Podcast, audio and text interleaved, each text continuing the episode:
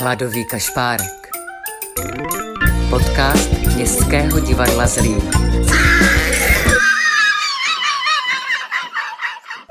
Vážení a milí posluchači Hladového kašpárka. Vítám vás u dalšího dílu nedělních zamyšlení. Jsem velmi rád, že zazní slovo naší bývalé kolegyně Kateřiny Menclerové, která k nám do Městského divadla Zlín nastoupila ještě co by studentka Jamu v Brně a zažila zde v letech 2014 až 2017 své první divadelní angažmá. Potom se rozhodla dramaturgicky profilovat divadlo Petra Bezruče v Ostravě, kam od nás přestoupila. V současnosti je dramaturgyní brněnského divadla Husa na provázku. Na inscenacích se podílí často i literárně. Pro městské divadlo Zlín připravila například výrazné divadelní adaptace Evžena Oněgina a Dostojevského románu Idiot. Kateřina je i skvělou jazykovou redaktorkou. Ještě při studiích na JAMu pracovala v nakladatelství Host, kde se věnovala redakci překladové beletrie. Období dospívání prožila v nedalekém Vsetíně, je tedy s naším valašským regionem, spjatá i osobně a patří k nám, přestože v našem divadle již nepůsobí. Kateřino, děkuji, že jsi našla na hladového kašpárka čas. Že jsi tady s námi svým zamyšlením a těší mne, že se blíží chvíle, kdy se budeme moci opět setkávat i v divadlech. Příjemný poslech.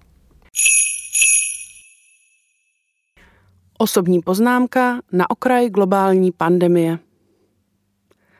Nestíhám. Málem jsem nestihla napsat ani tento drobný fejeton pro mé milované zlínské divadlo. A to si přitom nabídky vládi Fekara, abych do zlínského podcastu pár slovy přispěla, tolik vážím. O to tu ale nejde ani v nejmenším. Nestíhám tak nějak na buněčné úrovni. Vnější okolnosti mé nestíhání v podstatě neovlivňují. Nestíhám nejen vše, co si přece vezmu v práci. Nestíhám ani číst, volat babičce, vracet knihy do knihovny bez pokuty. Objednávat se dvakrát ročně k zubaři. V tomto ohledu se držím nedávné tradice, kdy se k zubaři chodilo jen jednou ročně. Nevíte někdo, kdy to přestalo stačit? O tom, že nestíhám uklízet, snad ani netřeba mluvit. Nestíhám si ale kolikrát ani všimnout změn v ročním období. Tady bych se zase ráda zeptala, jestli už letošní jaro bylo, nebo ho mám teprve očekávat. Slovo nestíhám dosud v tomto drobném fejetunku zaznělo osmkrát. Připadáte si, že jste se propadli do devadesátek, kdy bylo nestíhání vrcholně v trendu a kdo stíhal, ten nežil? Ano, já si tak taky připadám. Jako relikt divokých devadesátých dinosaurus, který jako poslední svého druhu dožívá mezi všemi, kdo se důsledně soustředí na tady a teď a dnem proplouvají výhradně v souladu se svými cirkadiánními rytmy. Abyste mi dobře rozuměli, já s tím vším naprosto souhlasím a tenhle trend podporuju. Teoreticky. Prakticky jsem totiž nějak propásla okamžik, kdy přestalo být normální nestíhat a od té doby se této všeobecně přijaté změně nějak, no, nestíhám přizpůsobit. Jak asi tušíte, pandemie mi v tomto ohledu moc neulehčila. V době, kdy dávala řada mých známých na Facebook fotky své uklizené knihovny, zryté zahrádky či vlastnoručně upečeného chleba, já ano, tušíte správně. Jsem stále nestíhala. Pandemie, která pozastavila řadu našich obvyklých činností, definitivně odsunula chvátání mezi nežádoucí přežitky. A za normální ustanovila stav, kdy člověk bez problémů stíhá. Ba co víc, normální člověk teď nejen stíhá, on přímo vědomně zpomaluje. A není to jen tohle celosvětové zařazení nižšího rychlostního stupně, co se v posledních měsících změnilo. Přesto teď téměř denně slýchám o jakémsi návratu do normálu. Ptám se, do kterého normálu? Toho předpandemického? Do toho, který byl loni v létě, kdy jsme se všichni tvářili, že je pandemie zažehnána a všechno je zase úplně normální? Nebo ještě do nějakého dávnějšího? Třeba toho devadesátkového, kdy jsme všichni svorně nestíhali a biznismenům chvátajícím po ulici vláli kravaty. Myslím si, že žádnou zkušenost nelze odestát a plně se vrátit do stavu, který byl před ní. Chápu ale, že naše mozky volají po návratu do něčeho, co bylo dobře známé, byť třeba nevždy plně vyhovující. Psychologové by mě jistě poučili, proč je pro nás setrvávání v nejistotě tak zatěžující. Já jsem si ale během pandemie znovu ostře uvědomila, že pro dramaturga by setrvávání v nejistotách mělo být povinné a každou zdánlivou jistotu by měl předem podezírat z falešnosti.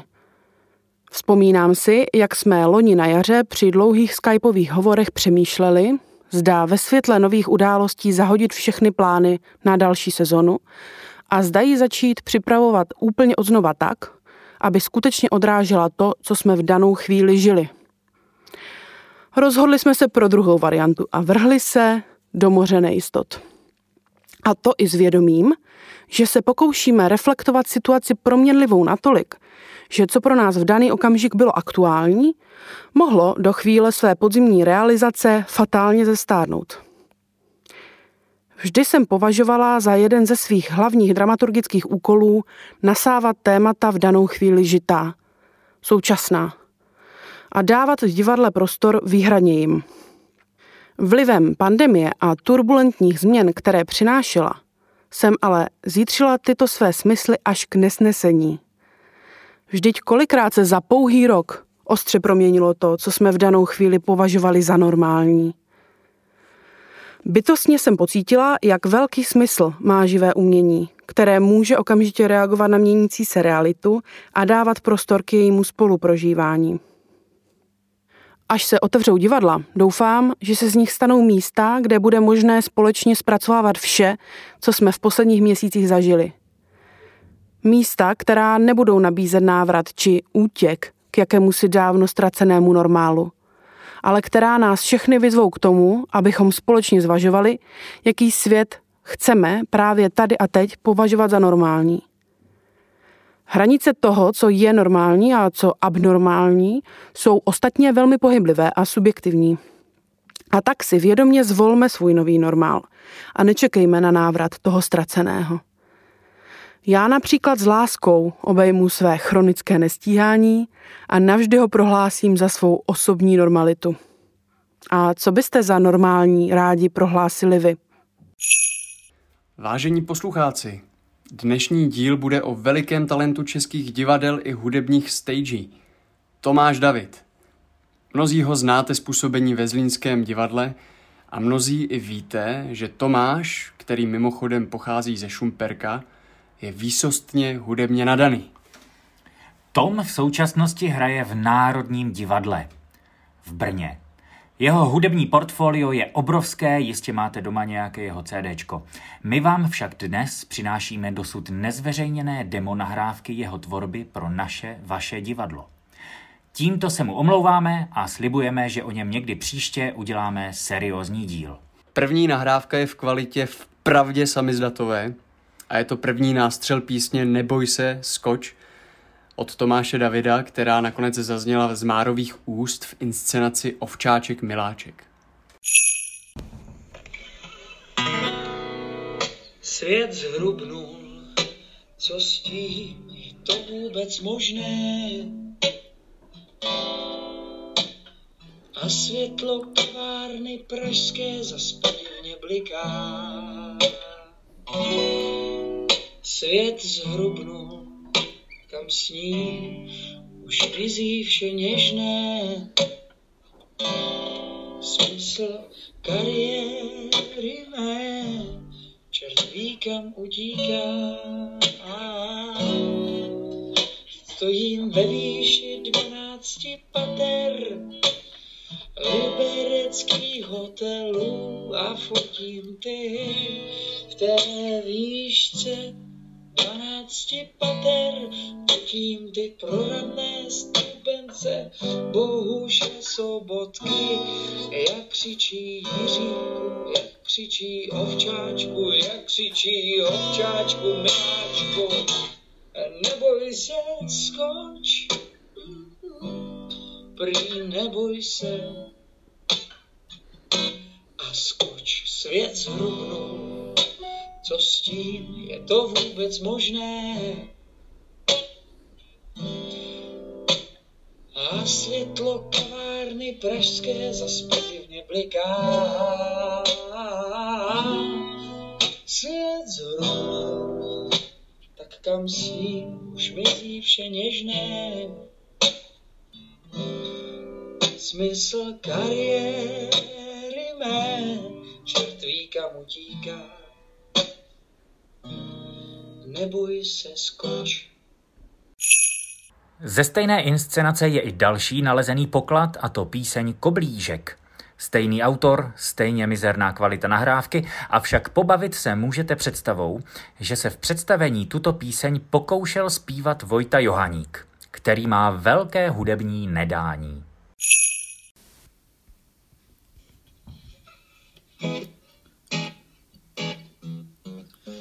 Koblíže, koblíže, po sípce metený, potruhla škrábaný, smetanou mísený, na másle smažený, na okénku vychlazený.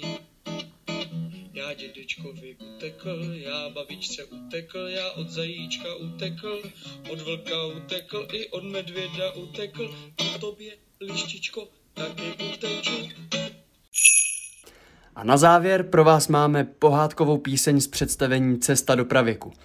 Přesný název nevíme, našli jsme ji pod pracovním názvem Máma honí. .mp3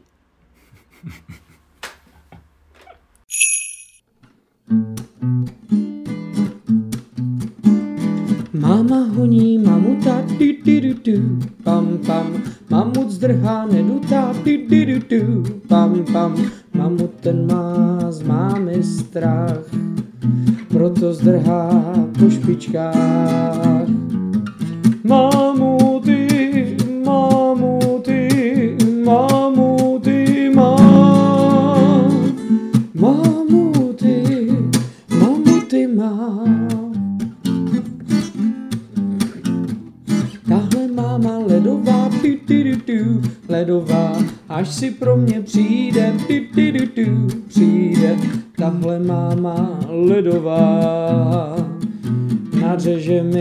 se bavcide Mamuti, mamuti, mamuti, ma Mamuti, mamuti, ma Solo ti ti ti ti ti ti ti ti ti ti